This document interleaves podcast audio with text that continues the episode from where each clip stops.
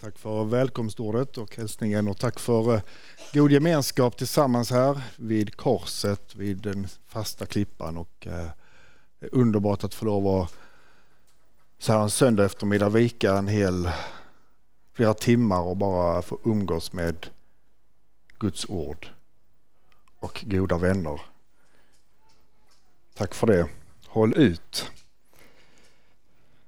Ska vi be först. Ja, jag vill bara fortsätta att tacka dig för det Herre. Att eh, vi har fått känna och höra och uppleva och märka att du är här mitt ibland oss. Du är vår skapare, du är vår frälsare och du är vår hjälpare.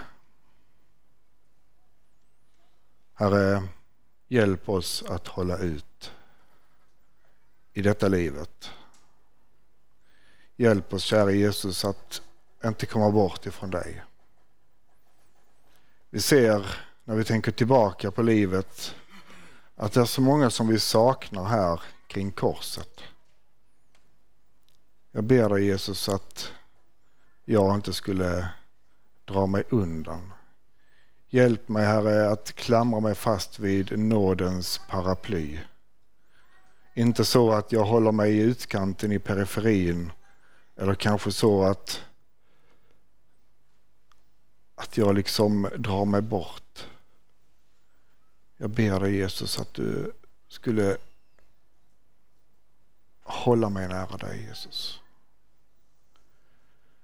Herre, det är kväll. Vi är trötta. Vi har hört mycket hela veckan. Herre, talar du fortfarande till oss och låt ditt ord få gå på djupet i våra hjärtan. Herre, inte genom någon människas styrka eller kraft ska det ske, utan genom min ande, säger du Herre. Låt det undret ske hos mig och hos oss var och en. Amen.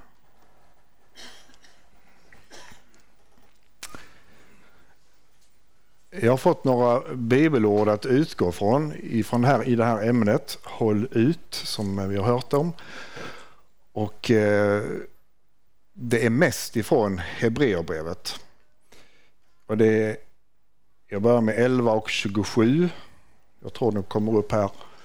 11 och 27 och 12, 1 till 3. Sen hoppar vi till första Korintierbrevets 9, vers 24 till 27. Jag läser i Jesu namn. Genom tron lämnade han Egypten. Genom tron lämnade Mose Egypten utan fruktan för kungens vrede. Därför att han liksom såg den osynlige härdade han ut. Det var den versen i Hebreerbrevets 11 och 12, vers 1-3. För fortsätter skribenten när vi alltså har en så stor sky av vittnen omkring oss, låt oss då lägga bort allt som tynger och särskilt synden som snärjer oss så hårt och löpa uthålligt i det lopp som vi har framför oss. Och låt oss ha blicken fäst vid Jesus, trons upphovsman och fullkomnare, som istället för den glädje som låg framför honom utstod korsets lidande utan att bry sig om skammen och som nu sitter på högra sidan om Guds tron. Tänk på honom som måste uthärda sådan fiendskap från syndare, annars tröttnar ni och tappar modet. Och så hoppar vi till Paulus brev, första Korintierbrevet 9, 24-27. Det är ett sammanhang där han beskriver sin tjänst som apostel och som förkunnare. Vet ni inte att alla löparna som springer på en tävlingsbana är det bara en som får priset? Spring så att ni vinner det. Men alla som tävlar underkastar sig allt hård, i allt hård träning. Det för att vinna en segerkrans som vissnar, vi för att vinna en som aldrig vissnar. Vi löper alltså inte utan att ha målet i sikte. Jag boxas inte likt en som slår i tomma luften. Istället slår jag min kropp och tvingar den till lydnad för att jag inte själv på något sätt ska komma till korta vid provet när jag predikar för andra. Herre, välsigna ditt ord på våra hjärtan. Amen. Håll ut. Ja, det är sista predikan under tältveckan. Ni har hört mycket. Mycket har sagts från denna talarstol och sjungits från detta podium. Håll ut, det är snart slut.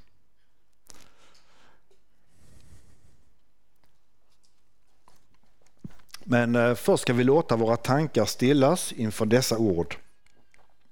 Framförallt från brevet eh, som förmodligen skrevs till hebreerna. Det har varit eh, rätt så många olika diskussioner om det där genom kyrkohistorien. Författaren vet bara Gud vem är.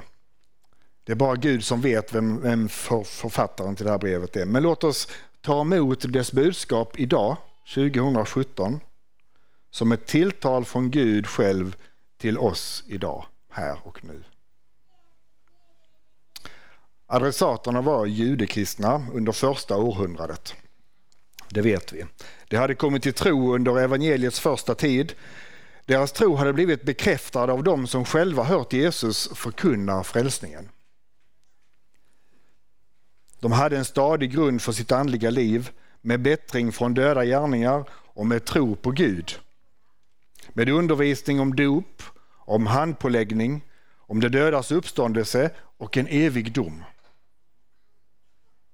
Och efter att ha blivit undervisade om evangeliets sanningar så hade de visat sig villiga att ta konsekvensen av sin tro. De var beredda att lida. De hade uthålligt kämpat sig genom många lidanden då de antingen blev till ett skådespel för världen genom människors tortyr eller hån eller motstånd eller så fick de lida tillsammans med dem som led.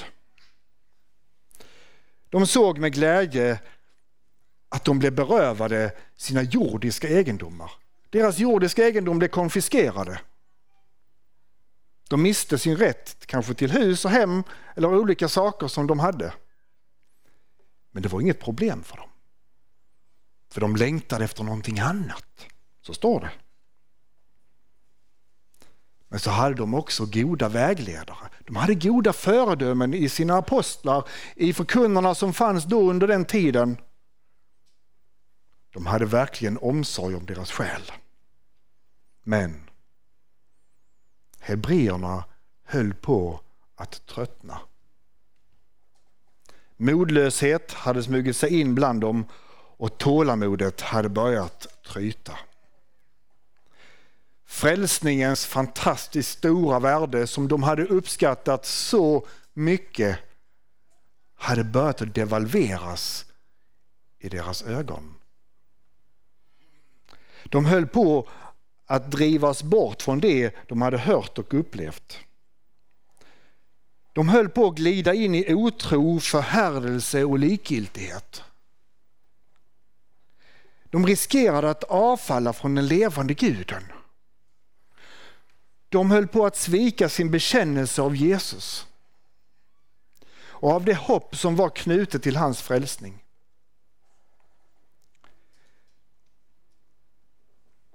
det som de skulle lämna kristendomen, det var precis som att de verkade vilja lämna kristendomen och gå tillbaka till judendomen.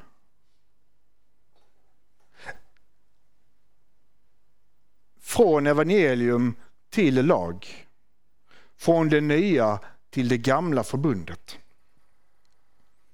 I sin nöd, modlöshet och andliga slöhet såg de tillbaka på det de hade lämnat, templet i all sin prakt och de häftiga prästerna och de stora offren som skedde där i Jerusalems tempel.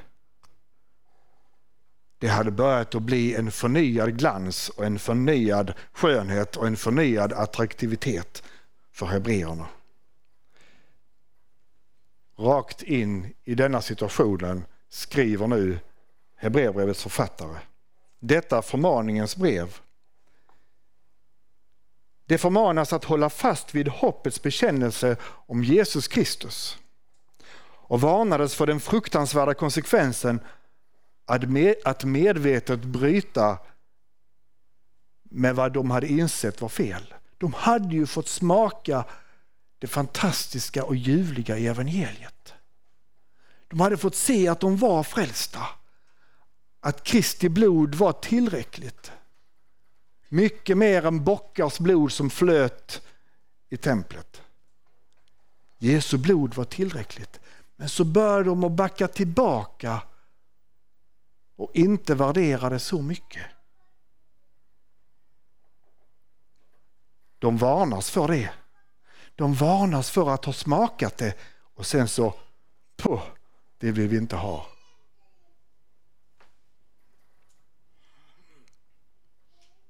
De hade ju lärt känna sanningen. Det påminns om att Jesus är Guds son och är större än allting i Gamla Testamentet, allihopa. Han, var större än, han är större än Abraham, Isak, Jakob, Mose, Josua, David eller vilken av profeterna som helst. Ja, hans prästtjänst är ännu större än den lite komplicerade figuren Melkisedek som bara dök upp i Gamla Testamentet på Abrahams tid och inte hade något ursprung och inte hade något slut. Jesus, Messias, var större än han.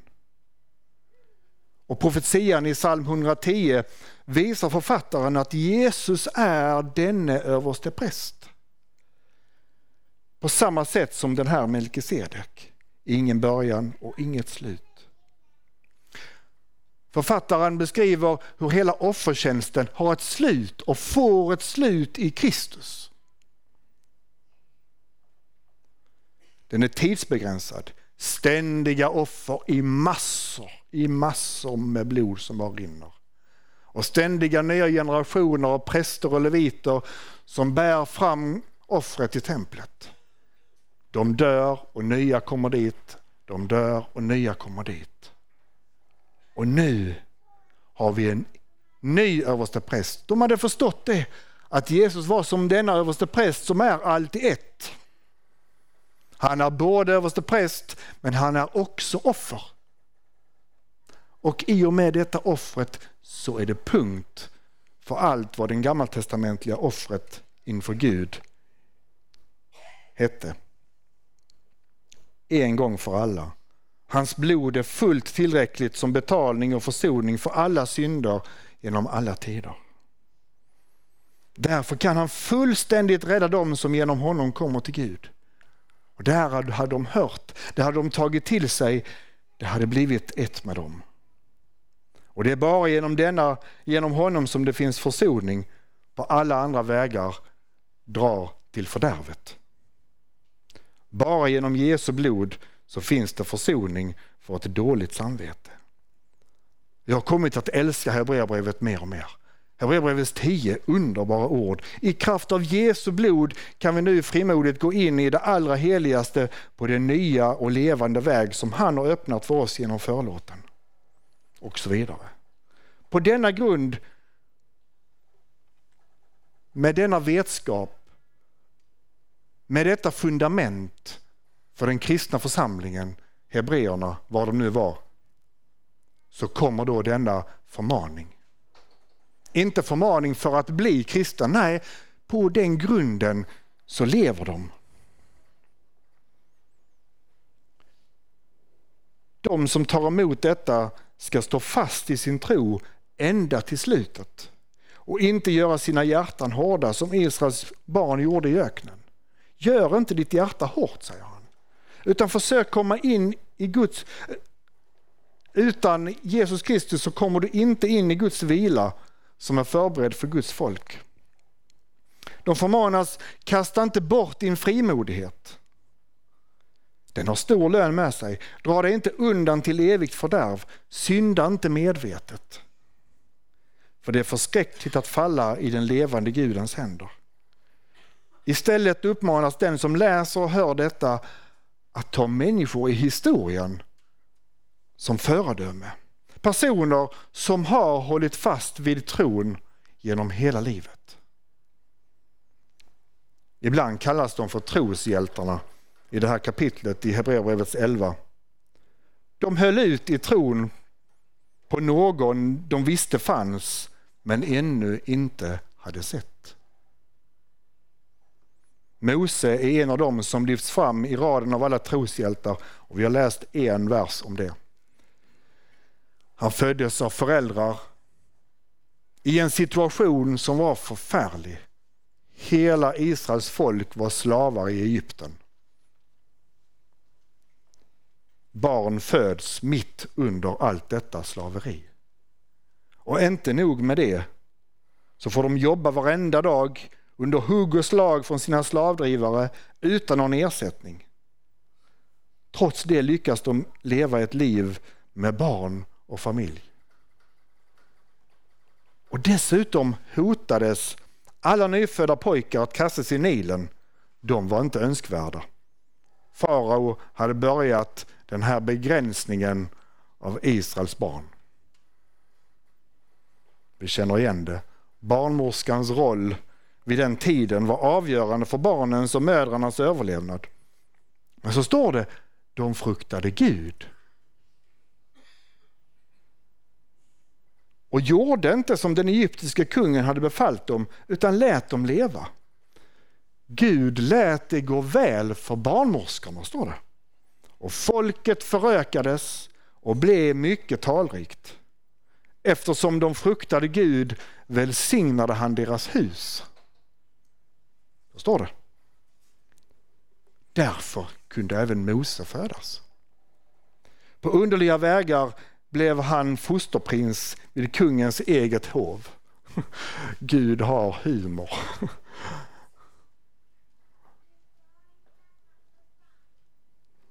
Denne kung som ville utrota alla hebreiska pojkar får en egen fosterbarnbarn vid sitt bord. Och han får själv finansiera hans utbildning och hans livsuppehälle. Det visar verkligen att Gud är störst. Han är den som har historien i sin hand. En liten hebreisk grabb vid matbordet vid hovet i Egyptens huvudstad.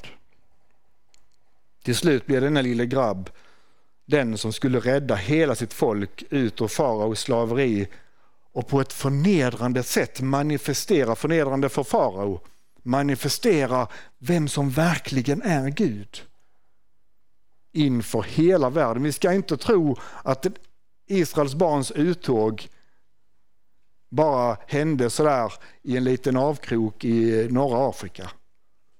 Jag tror att ryktena spreds över hela den då, den, då, den, den då kända världen.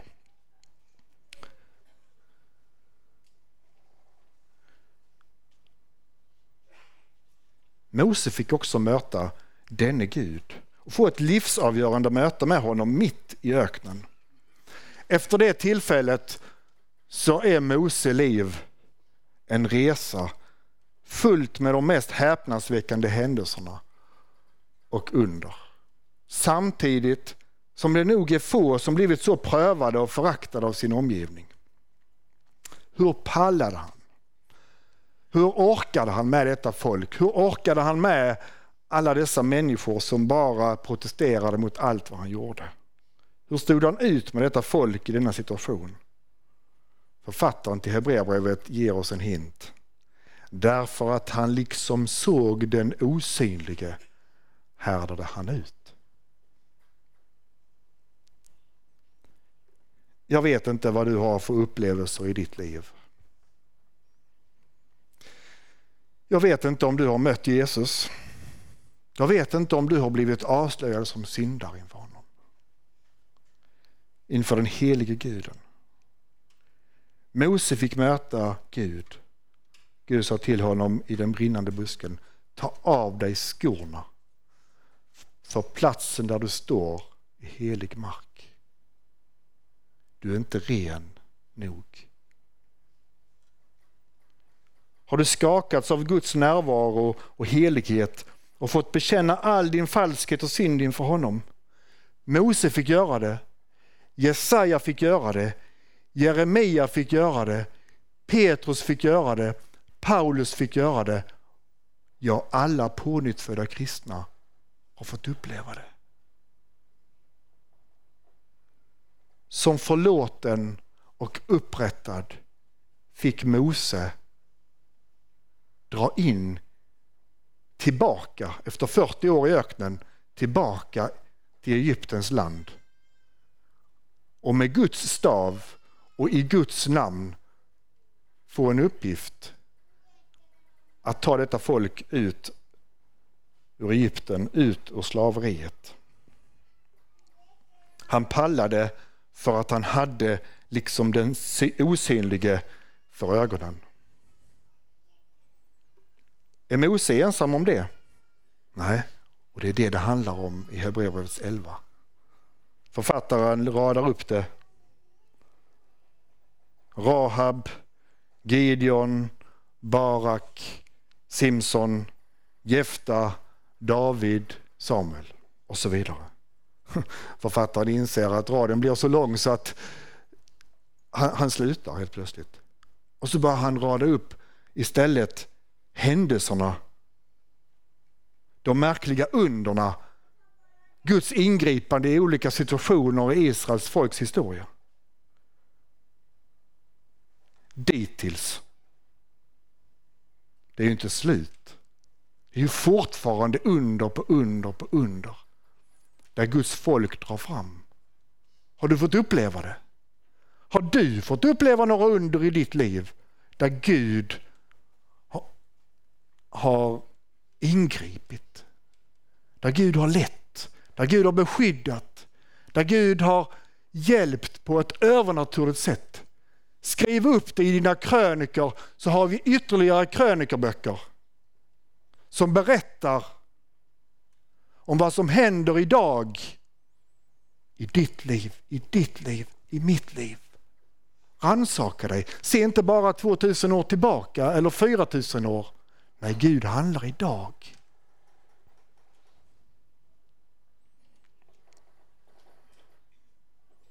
Han radar alltså upp en lista på namn och sen blir det händelser.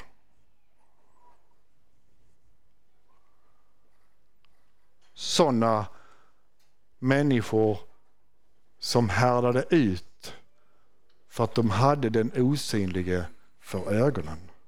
Hur härdar du ut?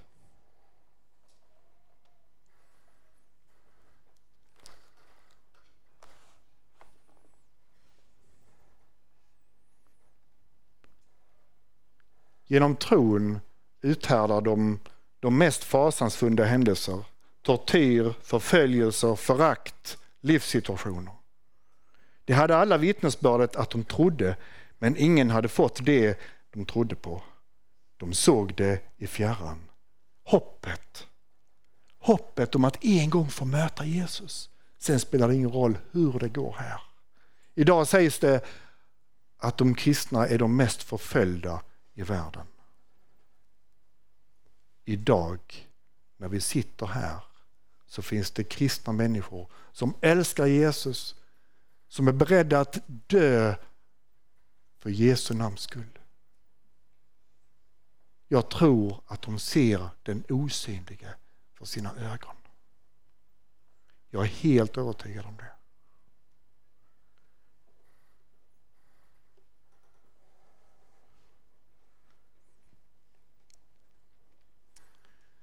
I vår sångbok finns det en sång, 210, som är lite sådär eh, profetisk. Det är inte så ofta man sjunger den. Den står under alla helgons dag.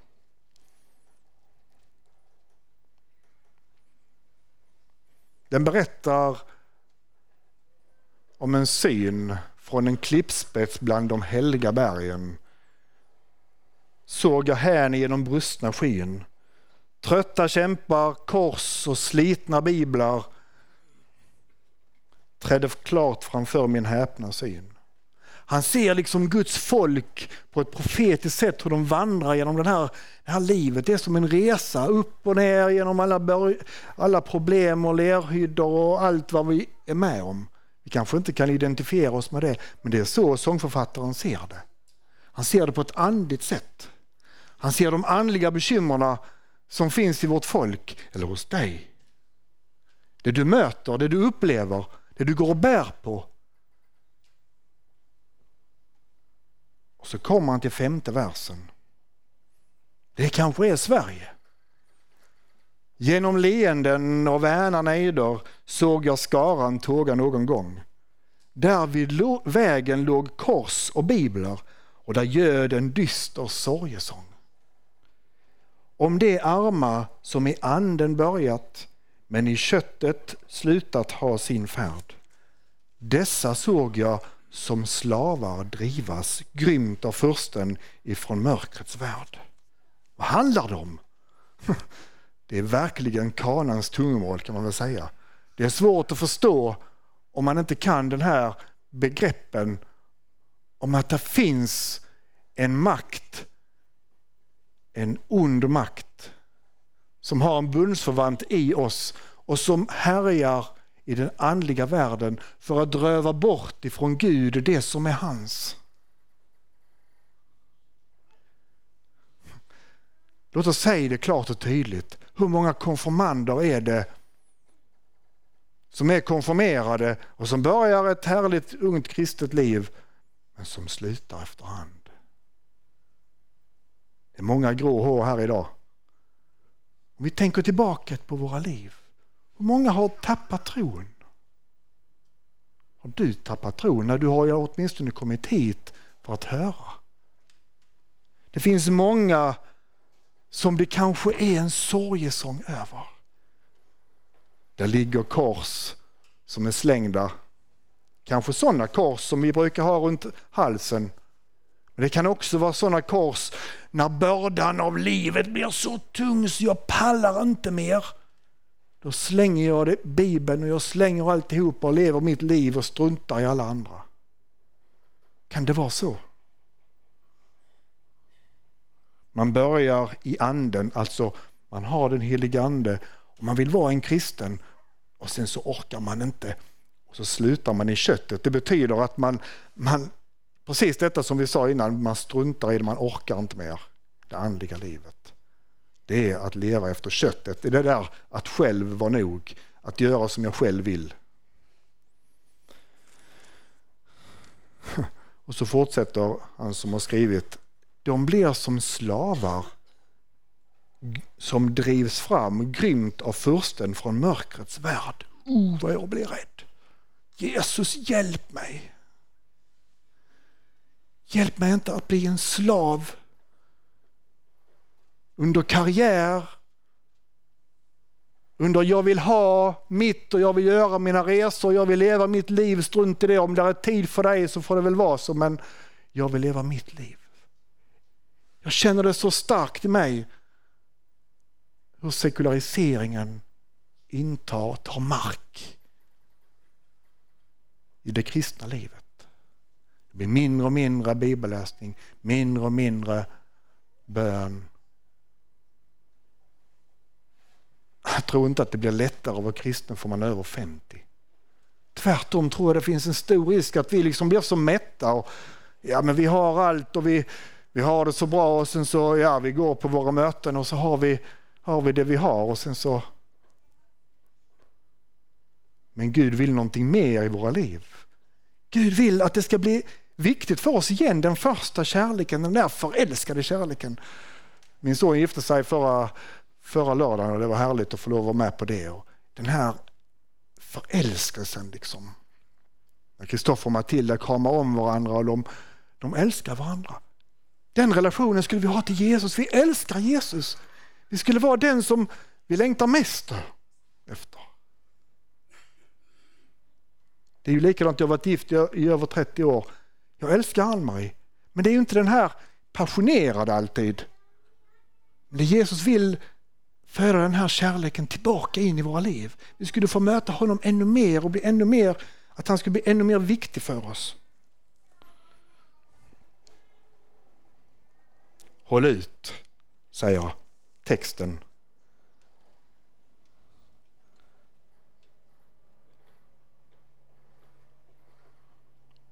Och livet, som vi sa, är inte alltid så lätt. Tillbaka till den här sången. Du kanske känner igen dig i vers 4. Många tårar. Många bittra tårar. Många frustrationer. Andra sjöng högt av idel fröjd. Mången tröttad av den långa färden under korset låg mot jorden böjd. Men skribenten säger, jag såg en hand, jag såg den ofta. Genomborrad var den, stängt med blod, röra vid den trötte, lyfta korset, skänka kraft och giva himmelskt mod. Har du upplevt det? Har du sett hans hand? Har han kommit och lyft bördan när du hade så tungt i ditt liv? Han är där. Han säger, jag är med dig alla dagar intill tidens ände. Jag finns där. Ropa till mig och jag finns där. Han är en stor Gud.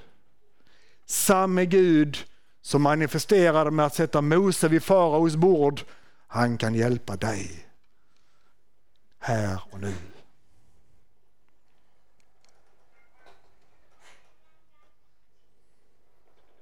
Han vill komma med ett ord. Han vill att du ska läsa det. Han kommer och erbjuder det dukade nattvardsbordet för dig utgiven, för dig utgjutet till syndernas förlåtelse. Till tröst, till uppmuntran, till kraft. Håll ut, säger han. Låt oss lägga bort allt som tynger oss och särskilt synden som gillrar sina fällor runt mina ben och mina händer och i mina tankar och i mina tankebyggnader och media och hela samhället som bara trycker på en helt annan livsstil, en helt annat sätt att tänka. Upplever du att du känner trycket så finns han där. Han vill ge dig kraft. Han vill ge dig en ny syn. Han vill förvandla dig varje dag. Låt oss inte glömma bort att vi är på väg. Vi är bara gäster här i den här världen. Du har väl inte glömt det? Du har väl inte slagit ner bopålarna för långt? Många av de här troshjältarna bodde som nomader i tält. Beduiner, inget bofast hus. Vi behöver hus i vårt, i vårt land. Kanske inte just idag. Men låt oss inte fästa våra hjärtan vid det. Vid allt det som vi kan äga och som har och uppleva. Gud vill att vi ska fästa våra hjärtan vid honom. Låt det mana oss till att inte fästa våra hjärtan vid det som gör oss bekväma i den här världen Visst är det så att Gud kallat oss till att leva i den här världen. Bruka jorden och bygga hus och föda barn och söka den stads bästa där vi bor. Det är vi kallade till att göra. Men låt oss inte glömma det perspektivet att vi inte ska bo här för alltid.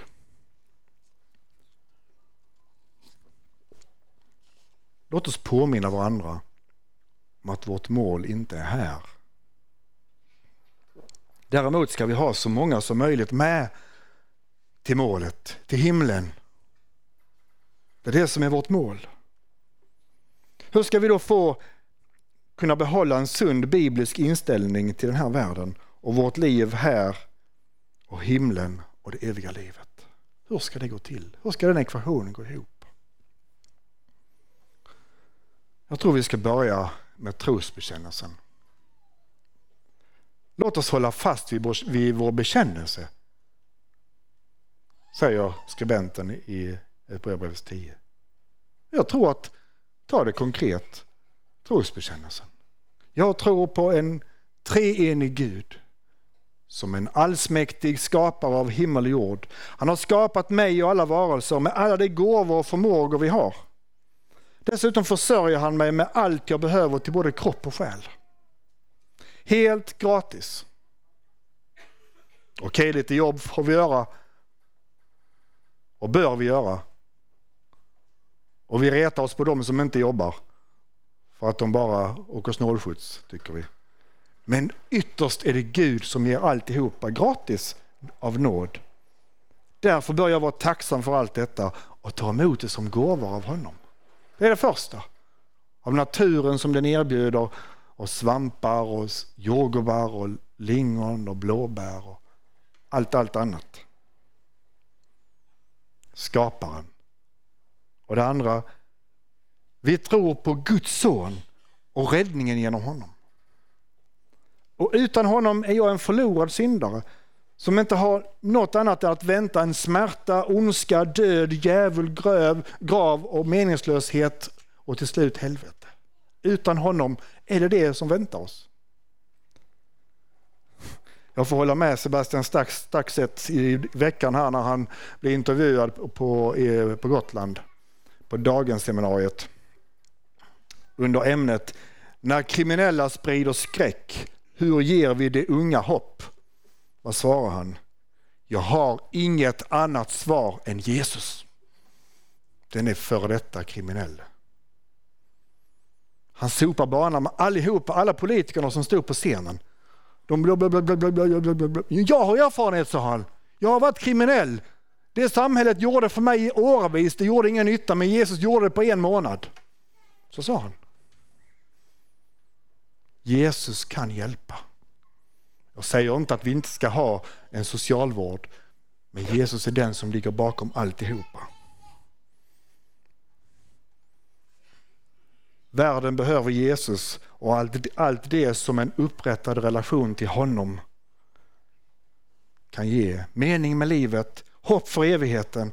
Det är detta som Sveriges unga och gamla behöver. Och det är det som vi får genom tron på Jesus Kristus. Jag vill inte förkunna någon härlighetsteologi, det är inte det det handlar om. Men hoppet går rakt igenom all smärta och all död och allt vad det för med sig. För att detta är inte vårt mål. Vi har ett mål i himlen. Och det är det som är troens starka ankare. Och för det tredje så har vi den helige ande och förnyelsen som han genom ordet håller på med här och nu och sakramenten vi får ta emot honom, då utför han sin förnyelse av människor i sin kyrka i denna värld, här och nu. Dit in har vi döpts genom den tredje Gudens namn, i den tredje Gudens namn. Han vill bevara oss i tron på honom. Och det är det han gör när vi sitter ner och lyssnar till hans ord, när vi läser det själva och lyder det. Och när vi lever i bön inför honom och när vi går till nattvarden för att ta emot Kristi sanna kropp och blod till syndernas förlåtelse och lever tillsammans med Kristi kyrka i gemenskap med varandra på detta sättet. Där vi som syskon har ett och samma mål. Detta kan vi utveckla genom att lyfta in i dagens avsnitt i Hebreerbrevets 11 och första Korinthierbrevets 9. Den helige Ande vill använda de här verserna som vi har läst nu till att bygga sin kyrka. Och det är det han gör. Det är det sättet som han har valt att göra. Ett tilltal till dig här och nu, idag, med ämnet Håll ut. Om det nu är så att du är med på vägen, på den vägen som går till himlen, så ska du hålla ut på den. Men om du inte gör det så ska du vända om. För annars är det slut. Och så påminns vi, precis som, som eh, Daniel sa i, sitt, eh, i, sin, i sin predikan, att den helige ande har ett namn, Parakleo, hjälparen. Jag hade faktiskt skrivit detta innan också. Så det blir ytterligare en bekräftelse för att hjälparen, han vill gå där. Han vill precis som en fotbollstränare stå vid sidan om och säga kom igen nu då, kom igen, nu kör vi ett tag till. Det är bara fem minuter kvar. Den heliga, ande, den heliga ande vill ingjuta mod i sina spelare under träning och match. Det är lite grann av vad den heliga ande vill följa med dig i livet varje dag. Så vill han att vi ska lägga bort allt som tynger, som vi har sagt, om synden. Och sen så uthålligt löpa det lopp som vi har framför oss. Var och en av oss har vårt liv att leva. Var och en har ansvar för sitt. Tron är personlig. Livet har vi var och en fått med det ansvar det innebär. Du kan inte skjuta det ifrån dig.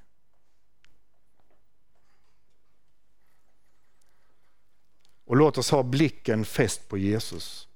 Han är den som skapar tro och tillit till honom. Han är den som börjar tron.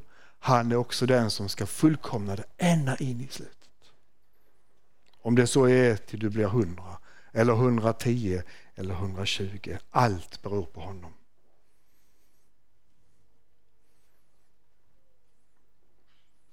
Tänk på Jesus, säger han, aposteln som skriver. Tänk på honom som måste uthärda sån fiendskap från syndare. Det är så mycket det här med att man ska lyssna på radio eller på tv eller media eller Facebook. Eller, det är på något sätt det man fyller sin tanke med. Men här står det, fyll din tanke med Jesus. Fyll din tank med Jesus. Och låt inte den andra världen fylla den. Den onde har fortfarande ett välde som han vill befästa och lura oss att tro att han inte alls är besegrad. Och så vill han ta territorier efter territorier i ditt liv som du har lämnat över till Jesus. Men så tar djävulen lite och lite tillbaka. Men Jesus vill vinna i ditt liv. Det är den kampen, inte för att vi ska bli frälsta, men i, som frälsta så behöver Jesus och den helige ande utföra sitt verk mer och mer, att han ska ta mer och fler och fler territorier. Har ni spelat risk? Det är fler och fler ter, ter, ter, territorier som vi behöver för att, för att vinna spelet. Likadant är det, det är en kamp mellan Jesus och djävulen om våra själar. Vi är inte hemma än, håll ut. I första Korinthierbrevet 9 tolkar jag de verserna som vi har läst någonting av vad Paulus säger till en förkunnare, till en som är en tjänare i Guds rike. Slarva inte med dina förberedelser. Jag brukar säga det att ibland så väcker Gud mig tidigt på lördag morgon. Upp med dig, nu ska jag ge dig ett ord. Då får man säga nej till sömnen och gå och sätta sig och förbereda. Låt oss inte vara lata förkunnare som inte vill förbereda oss ordentligt. För vi står i frontlinjen för att kämpa. Han tar bilden av boxningshandskar eller boxningsringen. Vi ska inte slå i luften så här. Utan Gud vill att vi ska vara fokuserade och veta vem det är vi har att kämpa mot. Och låt inte kroppens begär styra din ande. Vi ska avsluta med att ta bara några verser i Hebreerbrevet. Låt oss därför med uppriktigt hjärta förlåtna, upprättade syndare med full trosvisshet, med ett hjärta som är renat från ett ont samvete, med en kropp som är badad i rent vatten. Låt oss orubbligt hålla fast vid hoppets bekännelse, till den som gett oss löftet är trofast. Låt oss ge akt på varandra och uppmuntra varandra till kärlek och goda gärningar. Och när vi har en så stor sky av vittnen omkring oss, låt oss då lägga bort allt som tynger och se på Jesus och tänk på Jesus. Han som uthärdade allt detta för oss. Hans är äran och makten i evigheternas evighet. Amen. Tack Jesus för att du är kung. Tack för att du är Herre. Bli det allt mer och mer i mitt liv. Bli det allt mer och mer för oss var och en. Herre, kom du och inta mer och mer territorier i mitt liv. Herre, skapa du i mig, Gud, ett rent hjärta och ge mig på nytt en frimodig ande. Förkasta mig inte från ditt ansikte och tag inte din heliga ande ifrån mig. Herre, välsigna ditt ord, välsigna eket, välsigna hela bygden här. Här kom du med din heliga ande mer och mer och utför ditt verk ibland oss, Herre. Jag ber dig för ELM Syd och för dess ledning, för ELM och för alla som anställer, alla som jobbar och sliter på olika sätt. Hjälp oss att hålla ut med blicken fäst på dig. Herre, delar du med dig av någon nöd för någon människa så är det en nåd. Herre, sänd du nöd i våra hjärtan. Dels för vår egen själ men också för alla andras. Tack Herre för ditt ord. Tack för dina löften. Bär oss du ända hem till dig. I Jesu namn. Amen. Fader vår som är i himmelen. Helgat var det ditt namn. Tillkommer ditt rike. Ske din vilja så som i himmelen, så och på jorden. Vårt dagliga bröd giv oss idag och förlåt oss våra skulder så som och vi förlåta dem oss skyldiga är. Och inled oss inte i frestelse, utan fräls oss ifrån ondo. Ty riket är ditt och makten och härligheten i evighet. Amen.